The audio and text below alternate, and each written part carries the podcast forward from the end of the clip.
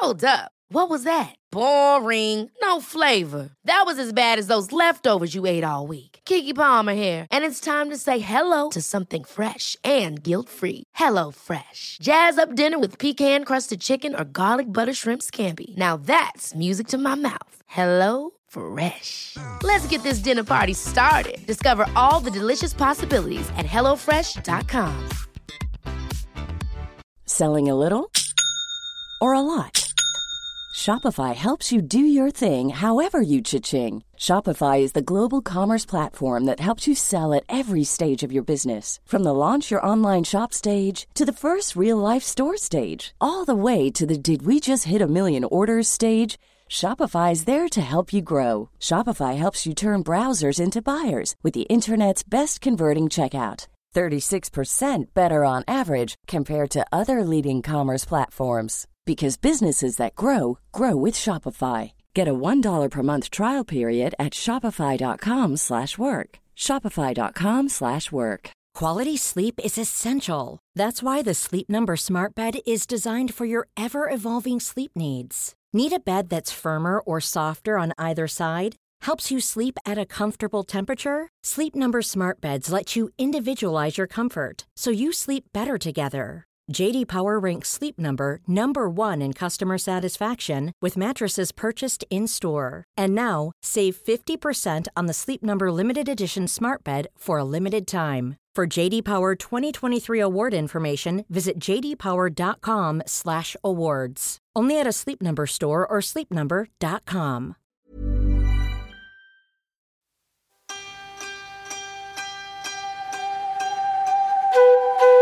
Hej och välkomna till Psykologsnack. Podden där vi pratar om psykologi, psykisk hälsa och ohälsa. Vi som sitter här och pratar är legitimerade psykologer och jag heter Åsa. Och jag heter Sandra. Och dagens avsnitt skiljer sig ju faktiskt lite från övriga ämnen som vi tidigare tagit upp i podden.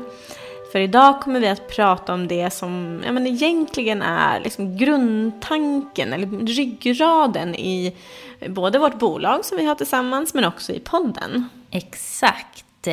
Och det handlar ju om en vilja att ja, men minska lidandet och öka hälsan bland alla oss människor. Mm. För den psykiska hälsan är ju mer och mer i fokus, vilket vi är oerhört glada över.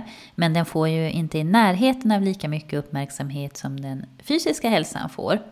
Och vår vision handlar ju inte om att vi vill dra en skiljelinje mellan fysisk och psykisk hälsa, utan snarare att ta vara på och utnyttja de, vad ska vi säga, synergieffekterna mm. som vi kan få genom att faktiskt kombinera fysisk träning med psykologisk träning. Mm. vi vet ju också hur viktig den fysiska träningen är för vårt eh, psykiska mående. Ja men verkligen. Och vi kan ju optimera vår liksom, psykiska hälsa med hjälp av fysisk aktivitet. Och vi kan också få ut mer av vår fysiska träning med hjälp av psykologisk träning. Och den liksom, riktningen kanske inte är lika tydlig som, som det som ändå pratas väldigt mycket om nu, att den fysiska träningen är otroligt viktigt för den, liksom det psykolog eller psykiska måendet. Mm. Men det, vi ser ju även att det finns mot, liksom, andra hållets samband också. Precis, och det här är ju verkligen ja, men vår eh, hjärtefråga. Ja, absolut. Kropp och hjärna är ju inte två skilda ting, så låt oss heller inte då skilja på hur vi ska ta hand om kroppen från hur vi ska ta hand om knoppen. I vår vision ingår det att göra liksom, psykologisk träning lättillgänglig. Mm. Alltså på samma sätt som att de allra flesta har tillgång till någon typ av liksom, fysiskt gym så vill vi ju vi också att alla även ska ha tillgång till ett så kallat psykologiskt gym. Ja, vi vill ju göra det lättillgängligt att ta hand om sin psykiska hälsa. Eh, och vi tycker ju inte att man ska behöva vara sjuk för att få hjälp, utan att man faktiskt ska kunna jobba förebyggande. Eh, och vi tror ju att alla någon gång i livet kan behöva ja, men psykologiska tips och eh, vägledning. Mm, precis. Eh, och vi kallar ju det här för liksom, psykologisk träning. Men vad är det då vi menar? Eh, psykologisk träning har ju sin grund i evidensbaserade tekniker och KBT. Så att det handlar ju om, alltså psykologisk träning handlar om att medvetengöra och förstå varför vi beter oss som vi gör och också vad, vad det får för konsekvenser. Exakt, det handlar ju om att bryta vanor och eh, förändra mönster, alltså beteendeförändring. Psykologisk träning hjälper oss helt enkelt att skapa förutsättningar att hantera och påverka ja, de situationer som vi ställs inför i livet. Mm. Absolut. Och vi, ja, vi utgår ju mycket från just KBT, eller det är ju det som är grunden i psykologisk träning. Så jag tänker att det också kan vara bra att då ge lite bakgrund till just KBT och beteendeförändring. Eh, för KBT och beteendeterapi är ju väldigt etablerat inom psyko, psykoterapiområdet. Eh, och i vid mening är det en terapiinriktning för att ändra just beteenden. Och det är en terapi, terapiform som har utvecklats under de senaste ja, men, cirka 60 åren. Mm. Relativt ny ändå? Ja, om man... Ja, alltså... Det kanske vad man jämför med för sig. Precis, det tog ju ganska lång tid innan den fick lite mera utrymme. Mm. Den psykodynamiska och psykoanalytiska inriktningen har ju varit väldigt dominerande länge. Mm. Även om den kanske inte är så jättemycket äldre rent teoretiskt. Nej. Så har det ändå, liksom KBT har stått åt sidan ganska länge. Mm. Men nu har det ju blivit Omvänt, väldigt, ja, kanske man kan ja, men, säga. Ja, nästan omvänt ja. Mm. Mm. Och den amerikanska beteendeterapeutiska föreningen definierar ju beteendeterapi som en speciell typ av behandling som är starkt förankrad i forskning, eh, som hjälper människor att kunna genomföra specifika förändringar eller nå vissa mål. Och de här målen kan innebära ett annat sätt att fungera, eh, känna, tänka och hantera problem. Och beteendeterapi och kognitiv beteendeterapi fokuserar vanligtvis på den nuvarande situationen snarare än på det förflutna. Men självklart så tar man ju såklart eh, hänsyn till personens mm. inlärningshistoria mm. och de erfarenheter som vi har med oss. Ja men verkligen. Eh, och vidare definierar de KBT som att man koncentrerar sig på klientens egna synpunkter och upplevelser av sin situation snarare än på personlighetsegenskaper. Eh, och KBT syftar till att ge människor bättre kontroll över sina liv och det här åstadkommes genom att hjälpa människor att ändra sina gamla problematiska livsföring och genom att uppmuntra bättre fungerande sätt att leva på. Mm. Det låter som en bra definition tycker jag. Ja. Mm. Kan du landa i det? Det är den typen av liksom, terapiform som du jobbar med. Jobbar med, precis. Känner igen det här. Ja, ja men, jag köper det. Ja, jag köper också. Rakt av. Ja. Och en eh, del av den eh, tidigaste forskningen, eh, som då har kommit att utgöra grunden för beteendeterapin, den bedrevs ju i Ryssland under 1800-talet av bland annat Ivan Pavlov. Där kanske det ringer en och annan klocka. det måste vara det tråkigaste skämtet. Lite av ett psykologskämt. ja, eh, men jag tror att det är ett namn som många kanske faktiskt känner igen och har hört någon gång. kanske var någon annan som skrattade åt det skämtet. Ja. Vi får väl få höra sen. Ja, men han tillsammans med andra jobbade med att undersöka huruvida deras hypotes att, att det är reflexer som formar komplext mänskligt beteende erhålls genom associativ inlärning, om det här stämde.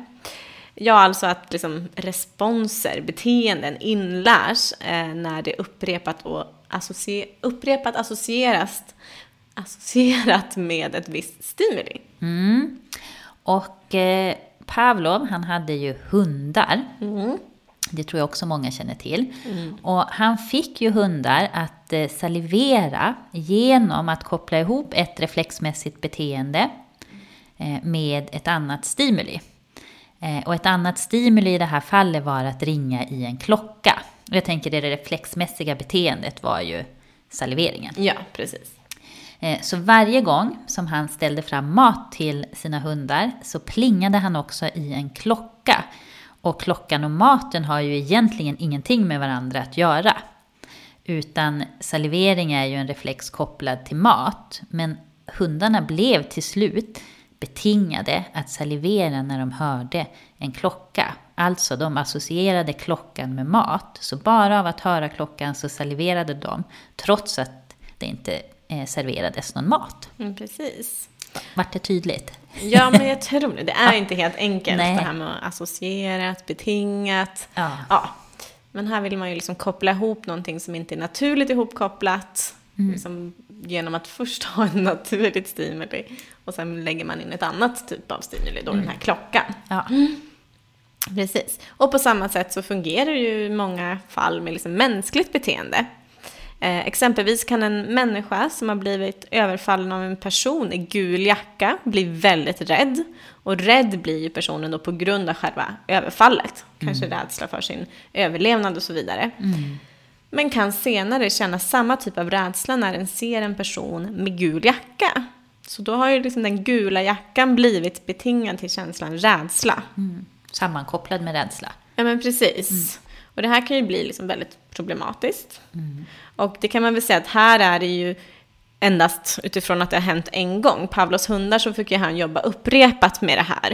Eh, Men är det en tillräckligt liksom stark känsla, som i det här fallet rädsla, så kan det räcka med att det händer en gång. Och det här kan man ju framförallt se vid mer traumatiska upplevelser. Alltså när man är rädd för sin egen överlevnad, som i, vid ett överfall till exempel.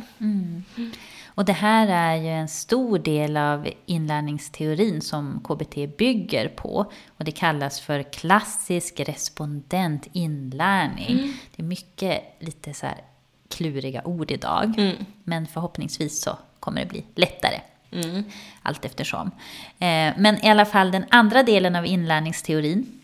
Den handlar mer om viljemässiga beteenden och vad som styr dem. Eh, Eh, på 1950-talet blev psykologen Skinner väldigt uppmärksammad med hans bok Science and Human Behavior, som är ett av fundamenten till beteendeterapi.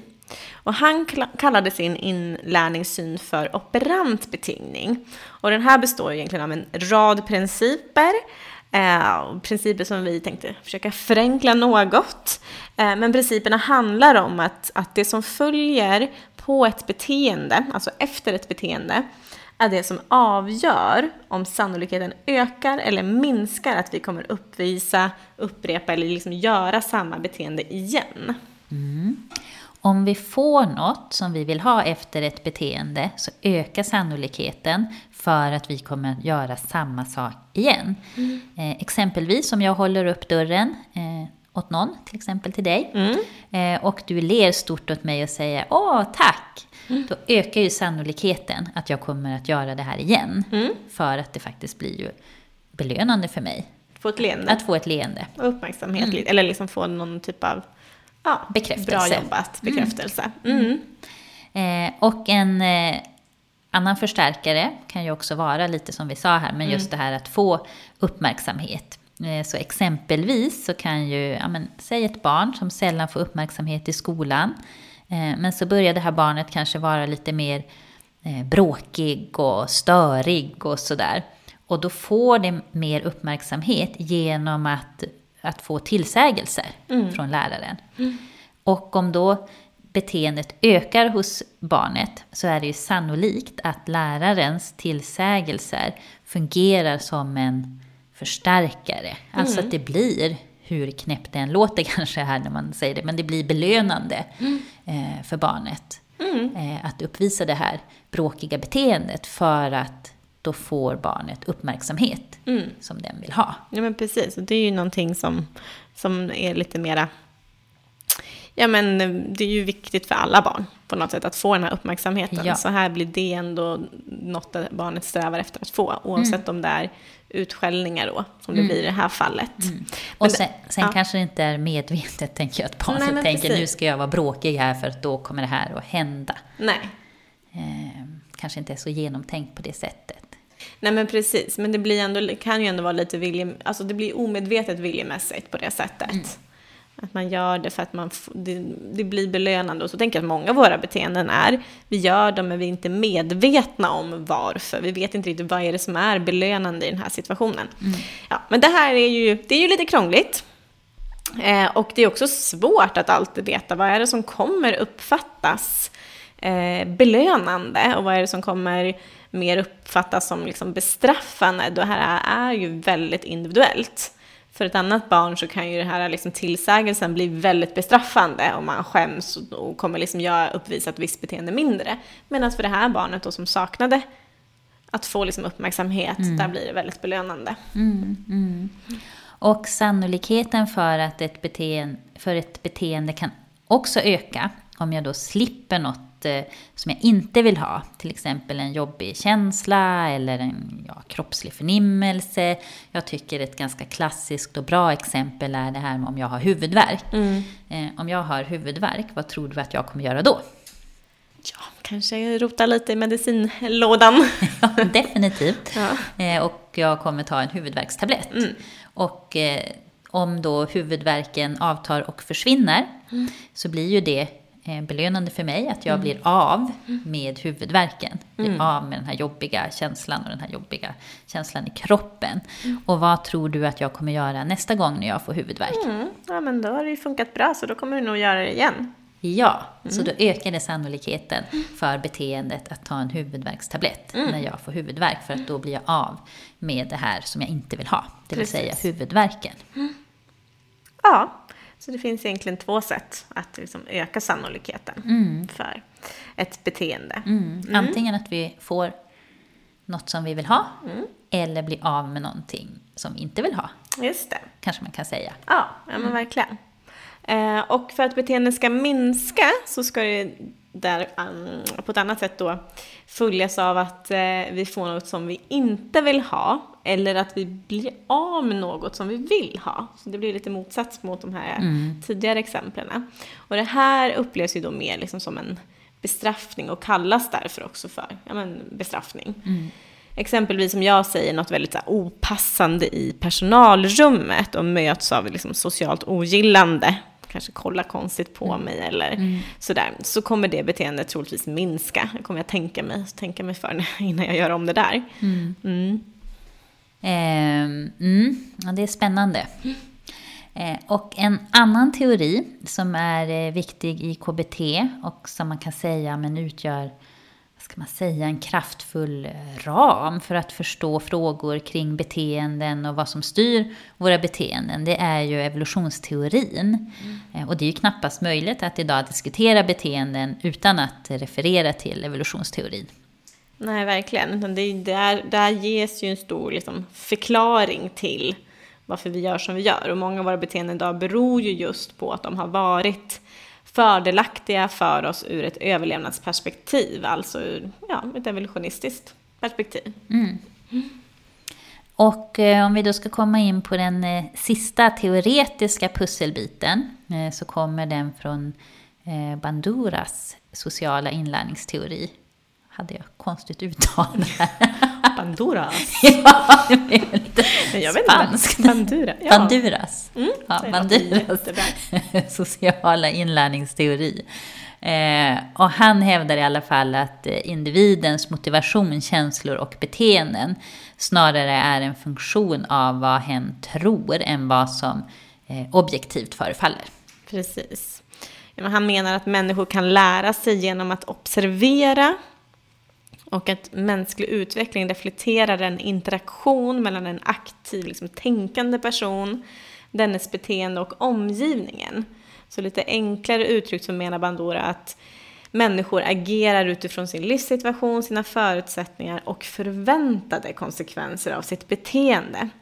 Så att exempelvis så behöver man inte ha liksom upplevt någonting och, liksom att man har utfört visst beteende och att det har blivit väldigt bestraffande för att kunna förstå det. Så att bara tanken på att kanske ställa sig upp och säga någonting konstigt på ett möte gör att man inte gör det för att man förväntar sig mm. att konsekvenserna då skulle bli ganska negativa. Ja. Folk skulle se på mig konstigt och tänka Sandra är oprofessionell, mm. henne vill vi inte ha med på möten och så vidare. Mm. Så jag behöver ju inte ha gjort det för att fatta att jag inte ska göra om det, utan jag kan ju liksom Föreställa dig konsekvenserna. Jag kan föreställa mig det här, antingen genom att jag kan liksom associera ihop det med andra typer av sociala sammanhang, eller att jag faktiskt har observerat Som, När det har skett hos andra. Ja, när Mm. andra har gjort. En typ av modellinlärning som vi också pratar mycket om.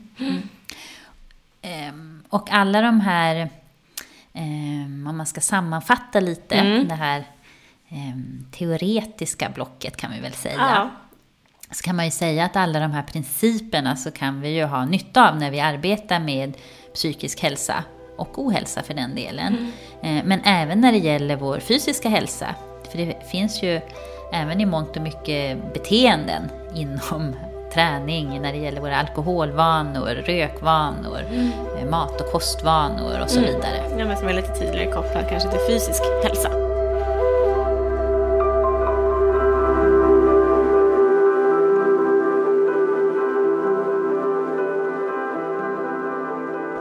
Nu lämnar vi det lite mer teoretiska blocket för att eh, istället kanske gå in i det psykologiska gymmet och prata psykologisk träning. Kanske är lite lättsammare den här delen. Eh, när vi ska träna psykologiskt så kan vi ju använda oss av olika tekniker. Och de här teknikerna har vi valt att kalla för psykologiska träningsredskap. Eh, som vi då kan använda i vårt psykologiska gym. Ja, och ett psykologiskt gym behöver ju kanske inte vara egentligen en specifik fysisk plats på det sättet, utan snarare ja, men, att ett tidsutrymme där vi kan använda oss av eh, psykologiska träningsredskap. Ja, verkligen. Och ett av de träningsredskapen är medveten närvaro. Och det kan ju ses som ett första steg i en förändringsprocess. För medveten närvaro handlar om förmågan att medvetet uppmärksamma och beskriva känslor, tankar och händelser utan att döma och värdera. Ja, och att träna medveten närvaro hjälper oss att vara närvarande i det vi gör. Och det kan också hjälpa oss att minska stress och öka återhämtning. Och genom att träna vår uppmärksamhet så blir vi, eller vi kan bli i alla fall, eh, mindre automatiska i vårt handlande. Alltså att vi kan agera istället för att reagera. Kan vi vara medvetet närvarande i situationen kan vi också välja hur vi ska agera. Eller vi kan också välja att agera på ett annat sätt än vad vi brukar. Eh, trots att våra känslor och tankar säger något annat. Och därmed så kan vi kanske då bryta ett icke liksom fungerande beteendemönster. Mm. Och eh, det fina här är ju att medveten närvaro är en eh, färdighet som vi kan träna upp. Det är någonting vi kan träna på. Eh, Och det finns ju mycket, mycket mer att säga om medveten närvaro. Det Verkligen. skulle vi kunna ägna ett helt avsnitt åt. Men här får det bli lite kort. Men lite tips eh, om man vill eh, träna medveten närvaro så kan man ju ha hjälp av guidade övningar och, som finns i till exempel olika appar. Eh, till exempel, den har vi nämnt förut, men Compassion Lifestyle, det finns Mindfulness-appen och det finns också till exempel Headspace. Ja, Det finns säkert precis. många fler, men det här är några tips. Här tar vi upp liksom mindfulness, tänker jag framförallt för att det är som en förutsättning för att ens kunna jobba med egentligen liksom beteendeförändring. Ja. För att börja uppmärksamma vad är det vi gör i en viss situation och så vidare. Och det för ju så också in då på liksom nästa redskap som är ABC-träning.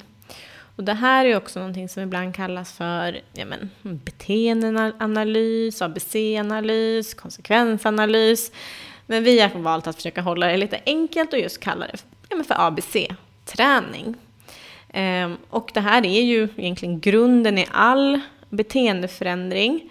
Um, och där är liksom grunden i att börja förstå varför vi beter oss som vi gör, vilket knyter tydligt an till de här då teorierna vi tog upp i det tidigare blocket, kan man väl säga. Och ABC-träning kan man väl enklast säga att det består av tre olika delar. Tre olika komponenter, alltså ett A, ett B och ett C. Ja, och A1 det står ju då för aktiverare, alltså det som föregår eh, beteendet. Och för att göra det lite tydligare så kan man liksom dela in eh, det som sker i A i aktiveraren av man kan se situationen man befinner sig i, vilka tankar man har, känslor och vad som händer i kroppen. Eh, och sen har vi B som då står för beteende och det handlar alltså ja, men helt enkelt om det beteende som vi vill förstå bättre. Och slutligen så har vi då C. Och C står här då för konsekvens och är uppdelad i kort och långsiktiga konsekvenser. Det har vi också pratat om eh, i tidigare avsnitt ganska mycket när vi har pratat om exponering till exempel. Eh, men de kortsiktiga konsekvenserna är de som sker i direkt anslutning till beteendet.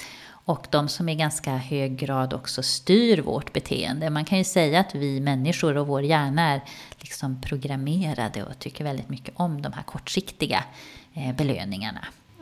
Och som vi var inne på för att knyta an till de här teorierna, att belöningen kan ju bestå av att vi får något som vi vill ha, till exempel beröm, men det kan också bestå av en minskning av något som vi inte vill ha, till exempel oro. Och sen om vi då har de här långsiktiga konsekvenserna så är det ju de som vi faktiskt eh, får leva med sen. Till exempel skulle det kunna vara en hög stressnivå. Ja, precis. Ehm, vi kan ju ta ett exempel för att försöka liksom göra det här lite tydligare. Mm, det tycker Ehm, jag. Vi får väl också kanske lägga upp någon bild på det. Ja, Så att vi kan liksom, ja, så man kan titta på den bilden sen också om man vill förstå och titta lite mer utifrån den. mm, vi kan ju faktiskt lägga upp bild på det här exemplet som vi tar nu. Ja, det för kan att vara vi. lite pedagogiska. Så kan man följa med. Ja. Precis. Ja, men om vi tittar då på en situation eh, hos en person. Då kan vi väl utgå från dig Åsa, ska vi göra det? Ja, får vi se. Ja, att Åsa här, hon har planerat ett träningspass. Och då kanske det uppstår lite tankar. Vad är vanliga tankar som kan uppstå, tänker du, i en sån situation för dig? Mm, ganska ofta skulle jag säga att de kommer så här. "Åh, jag orkar inte, jag hinner inte, jag måste bli klar med den här uppgiften. Eller, "Ah, men bara jag orkar inte, det är för mycket annat just nu. Mm. Just det. Så att det är mycket tankar där. Finns det också liksom några känslor i den situationen? Mm, jag kan nu känna mig ja, men så lite stressad, uppvarvad, ja, men kanske lite så här irriterad också. Tankarna har liksom en arg ton. Ja, Ja. just det. Precis, kan vara lite ja, känsla av irritation Ja. där, lite frustrerad. Man måste ju gå och Ja. träna. Ja. Och sådär. Mm, precis. Och du kanske känner någonting i kroppen också, att kroppen signalerar. Mm, kanske att jag känner mig lite spänd i kroppen, ja, men bara en allmän känsla av trötthet i kroppen. Just det, så det här är liksom aktiveraren nu vi egentligen har diskuterat igenom. Så då är frågan så här, vilket typ av beteende är det sannolikt att du kommer liksom, ja, agera med i den här situationen? Jag eh, kommer ju förmodligen att ställa in träningen. Just det. Och varför då? Vad blir de kortsiktiga konsekvenserna av att du ställer in träningen i den här situationen? Ja, men eh, precis i stunden så tror jag att jag kommer känna mig så här lättad att, "Åh, vad skönt, slipper det här. Slippa det här ja. Och jag kanske också hinner klar den här uppgiften som jag tänkte att jag behövde göra. Just det. Mm. Så på kort sikt så finns det tydligt där att du får en lättnad. Du blir av med kanske lite av den här känslan med stress och irritation och sådär som du hade innan. Vilket blir ju belönande på kort sikt, verkligen. Men hur blir det på lång sikt? Om det här är liksom återkommande. Ja, men eh, jag skulle tippa på, alltså ganska snabbt, det behöver inte gå så himla lång tid, Nej. så tror jag att eh, då får jag dåligt samvete. Eh, och sen kanske på lite längre sikt också att jag blir ja, men tröttare. Ja. Jag orkar faktiskt mindre. Eh, och ja, men på ännu längre sikt också att jag ja, men får sämre hälsa. Just det. Mm. Precis, och då har vi tittat egentligen både på de kortsiktiga konsekvenserna, där du liksom får bli till ändå någon typ av belöning. Men på lång sikt, så de långsiktiga konsekvenserna verkar ändå vara ganska negativa. Med, med lite dåligt samvete ganska snabbt, men sen också tröttare och så. Och där är det väl så att om vi då märker här, som i mitt fall, att eh, det inte blev så bra för mig eh, på lång sikt. så kan det ju vara så att jag kanske här behöver prova ett alternativt beteende. Precis. Så hur går det till då när man gör det? Ja, vad tänker du? Vi säger att aktiveraren och liksom ser ju likadan ut. Mm. Det, situationen är densamma, det är samma tankar som uppstår. Vi vet om att ja, men otroligtvis så är det stress och irritation, trött och spänd. Så vad kan då vara ett alternativt beteende? Ja, där måste ju det självklara vara att jag faktiskt eh, pallrar mig iväg och går på mitt träningspass. Precis. Och hur känns det? Precis när du liksom har bestämt dig för att men nu går jag iväg. Eh, ja, men utifrån att jag vill bli klar med den här uppgiften så tror jag att jag kommer känna mig eh, mer stressad. Mm. Eh, och att jag kommer nog känna mig lite så irriterad en stund. Ja, det hänger kvar lite. Ja. Mm. Ja, så på de kortsiktiga konsekvenserna in i nästan så att det är lite liksom, bestraffande. Det blir mer negativt på kort sikt. Ja. Mm, men på lång sikt då? Hur kan man tänka då kring konsekvenserna? Mm, men där skulle jag väl gissa på att eh, jag blir... Jag behöver inte ens gissa, jag vet ju faktiskt det här. Jag har varit med om sån här situation. ja, jag blir piggare. Ja. Eh, Men jag blir faktiskt också effektivare. Mm. Eh, Och eh, ja, men att jag på lång sikt också investerar i min hälsa och förhoppningsvis också då får en, en bättre hälsa. Och håller mig frisk och mår bra. Mm, precis. Så här blir det ju väldigt liksom, tydligt, och det här har vi ju också nämnt i tidigare avsnitt när vi pratar om beteendeförändring, men att det är väldigt viktigt att komma ihåg att när vi börjar förändra ett beteende eller en vana så kan det kännas väldigt jobbigt och svårt på kort sikt. Vi drabbas helt enkelt av en psykologisk träningsverk, precis som vi drabbas av liksom, träningsverk i kroppen när vi tränar en ny muskelgrupp. Vi kan ju göra en övning så att eh, ja, men även du som lyssnar kan hänga med här och att faktiskt testa på eh, lite det här med beteendeförändring. Eh, så det första eh, som du behöver göra är att antingen om du sitter eller står, men låt dina armar hänga fritt längs sidan av kroppen. Och sen tar du bara nu och korsar armarna över bröstet. Mm. Nu gör ju du det här Sandra. Ja, jag hänger på här. Du hänger på. Och eh, hur var det här för dig? Nej, men det känns... Jag lägger armarna i kors ganska, ja, men ganska ofta. Så det känns ganska naturligt. Ganska naturligt. Ja, ja. Och så kan eh, du ta ner armarna igen. Mm. Och eh, nu kan du ta och eh, korsa armarna på nytt över bröstet. Men den här gången korsar du dem så att du har motsatt arm överst, alltså andra armen överst. Mot för vad du brukar ha. Just det.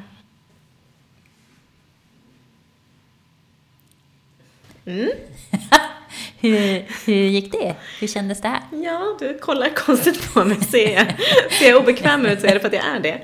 Det, känns jättekon- ja, nej, men det känns jättekonstigt. Jag fick ju fundera rätt mycket för jag var nog inte så medveten om vilken arm jag brukar ha överst. Ja, så du behövde liksom ägna mer tankekraft till det här? Ja, mer Ja. tankekraft och eh, det känns inte så bekvämt. Jag känner mig lite sned i hela kroppen när jag gör på det här sättet. Det känns annorlunda i kroppen. Ja, det Ja. känns annorlunda och lite, men lite obekvämt bara. Så, Ja. det stämmer inte. Ja, och det här är ju ehm, en eh, ganska enkel Mm. övning ändå, en ganska enkel beteendeförändring och Ja. ändå så märker ju vi när man gör den här övningen att det kräver liksom energi, Mm. det kräver vår uppmärksamhet, det kräver våra, vi behöver aktivt tänka på det här. Mm. Det känns eh, ja, men lite konstigt, det känns annorlunda Mm. att göra på det här sättet. Och då kan vi ju tänka om vi ska jobba med eh, beteendeförändringar som kanske har mer betydelse Ja. i våra liv än att just bara korsa armarna. Mm. Eh, att det också kräver ja, men mycket av oss. Att det Ja, kan vara verkligen. svårt i början, apropå det här som du sa med den här eh, psykologiska träningsverken. Att man Mm. får vara beredd på den för att när vi börjar göra på ett nytt sätt så kan det ja, men kännas annorlunda och svårt och så.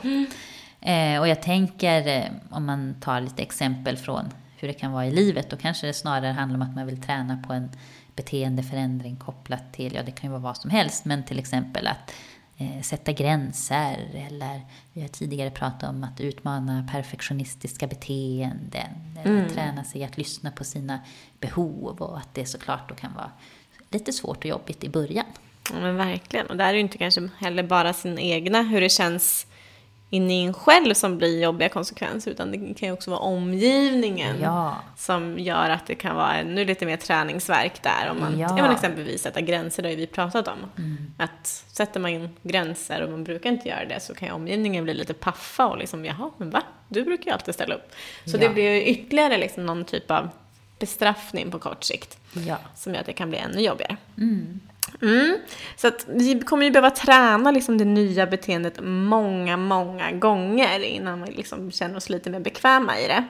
Eh, och i forskning har man sett att det i snitt tar ungefär 62 dagar att förändra ett beteende så att det blir liksom automatiserat och vi inte behöver lägga liksom lika mycket energi på att utföra beteendet. Mm. Så att liksom, om man då tänker det här exemplet som vi gjorde, att lägga armarna i kors, skulle jag liksom, gå verkligen in för att lära mig och, och bli mer bekväm med att lägga armarna i kors åt andra hållet så skulle jag ju behöva göra det i 62 dagar. Ja. Kontinuerligt då, och kanske få till och med lägga armarna i kors lite mer än vad jag brukar. Att liksom, Det kanske, Överinlärning lite ja, grann. det kanske till och med skulle gå snabbare för det känns som ett relativt enkelt beteende. Medan ett beteende som man kanske inte upprepar så ofta och som kanske är lite högre svårighetsgrad. Det kanske tar längre tid. Man Ja, får tänka precis. att de här 60 dagarna är en snitt. Det är en snitt. Precis, och jag kanske bara ska kunna behöva hålla på i några veckor. Ja. Jag tänker inte lägga energi på det. jag trivs med att lägga armarna i kors som jag gör. och jag som jag gör, Ja. båda händerna uppe samtidigt.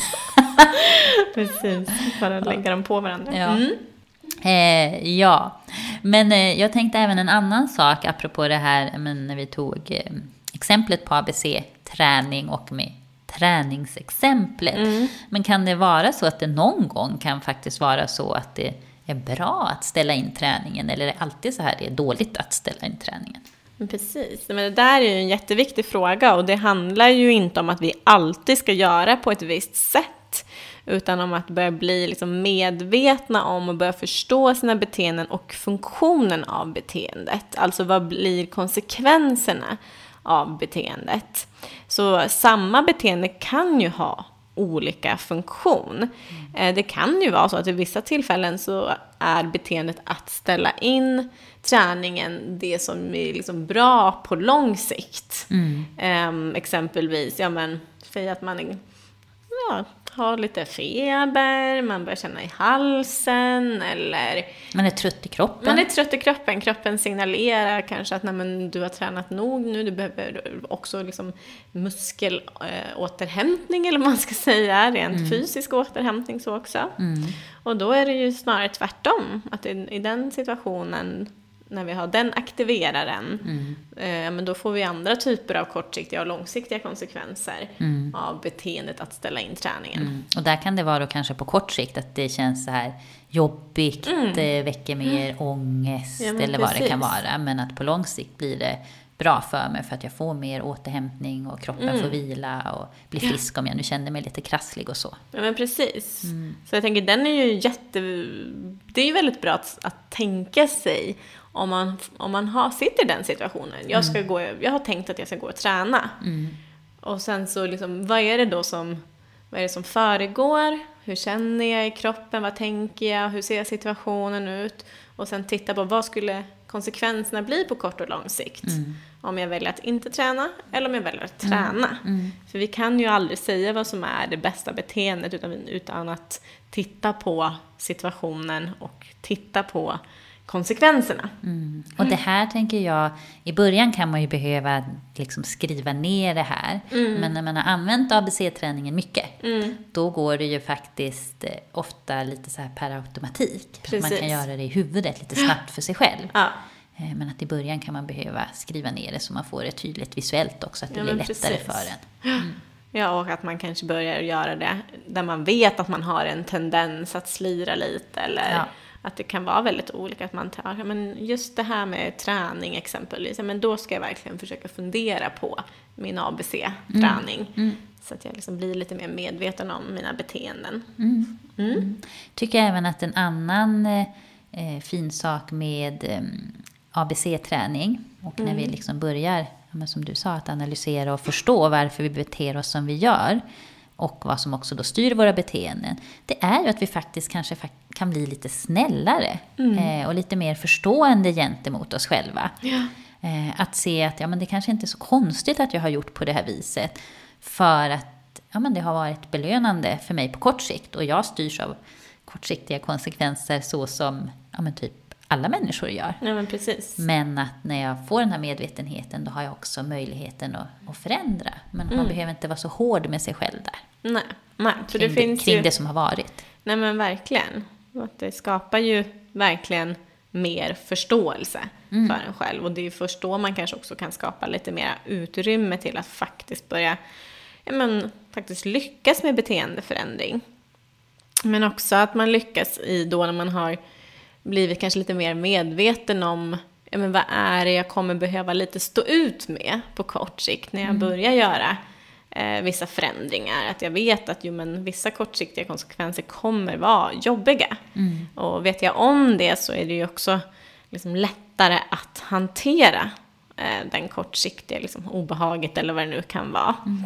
Eh, och annars är det ju också lätt att man, ja, men man testar en gång och så bara, men det här var inte så härligt. Mm.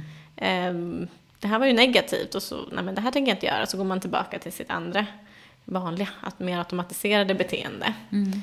Så där behöver man ju som sagt vara medveten om. Det kommer kännas kanske konstigt från början och obehagligt mm. eller mm. onaturligt eller vad det kan vara. Mm. Men att med de flesta eh, förändringar så blir det lättare på sikt när man ja. har övat ett tag. Precis. Mm.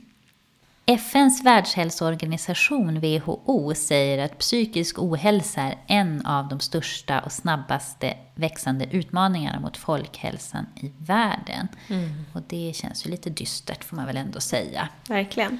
Eh, idag vet vi ju att eh, rörelse och fysisk aktivitet och träning är livsnödvändigt för oss människor och en mycket viktig del för att vi ska må bra såväl fysiskt som psykiskt. Eh, det som är ja, lite intressant, eller vad jag ska säga, är ju att ja, men vi svenskar tränar mest i hela EU. Att vi lägger varje år omkring, det här är helt sjukt mycket pengar, 50 mm. miljarder på träning, motion och hälsa. Men trots det här så har vi svenskar aldrig varit så stillasittande och överviktiga som idag. Eh, och hälften av alla arbetande svenskar har en hälsofarlig eh, hälsofarligt låg kondition. Mm. Ja, man diskuterar lite hur det här kommer sig. Eh, faktiskt senast på Nyhetsmorgon i morse så mm. var den här diskussionen eh, med Lofsan då, som var ja. eh, gäst. Och de diskuterar lite så här, jag menar att idag är det många som är liksom beredda på att gå till gymmet, att liksom att träna kanske ganska intensivt några gånger i veckan.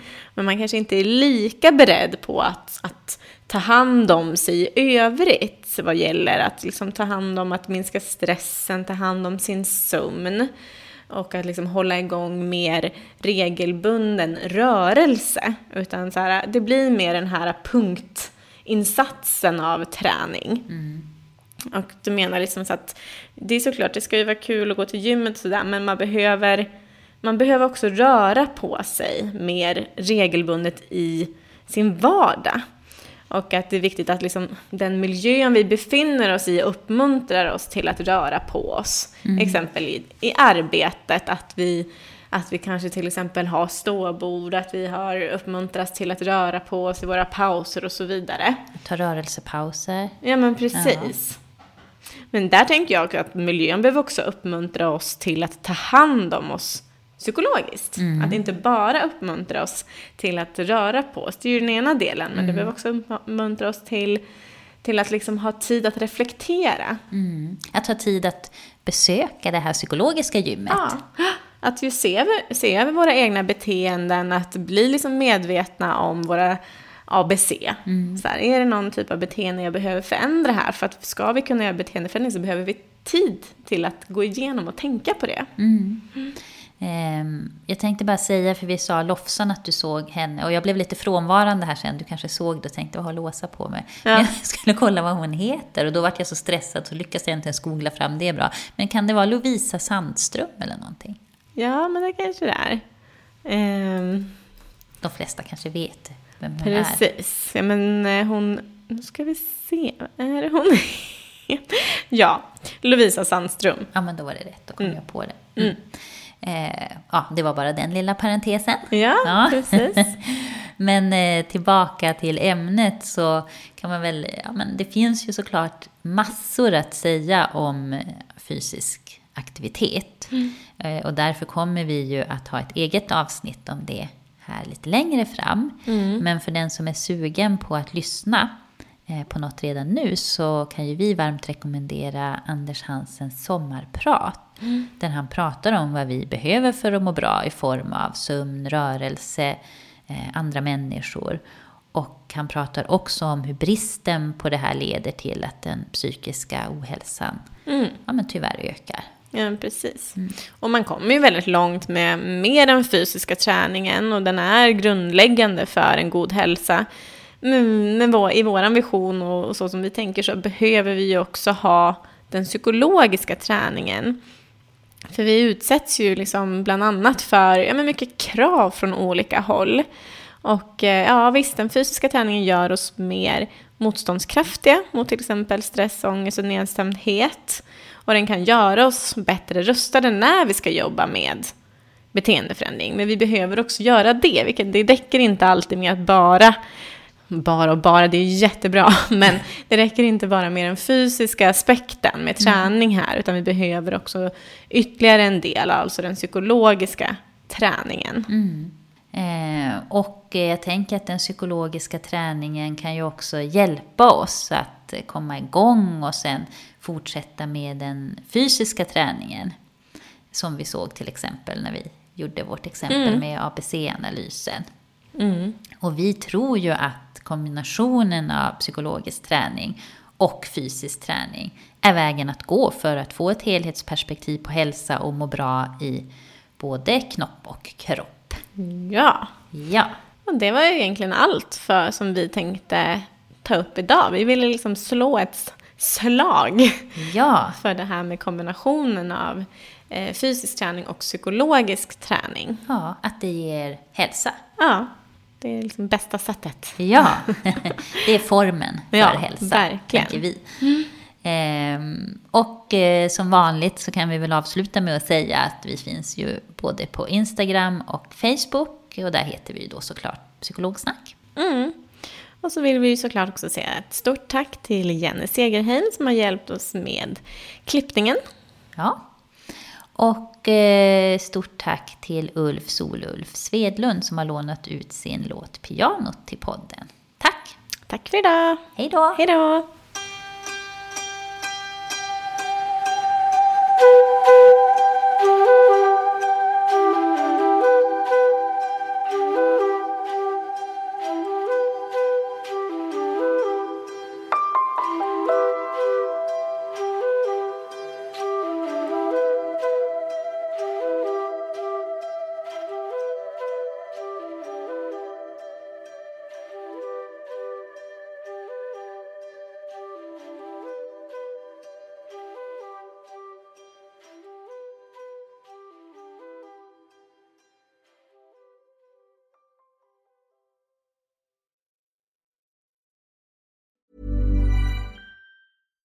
Selling a little or a lot?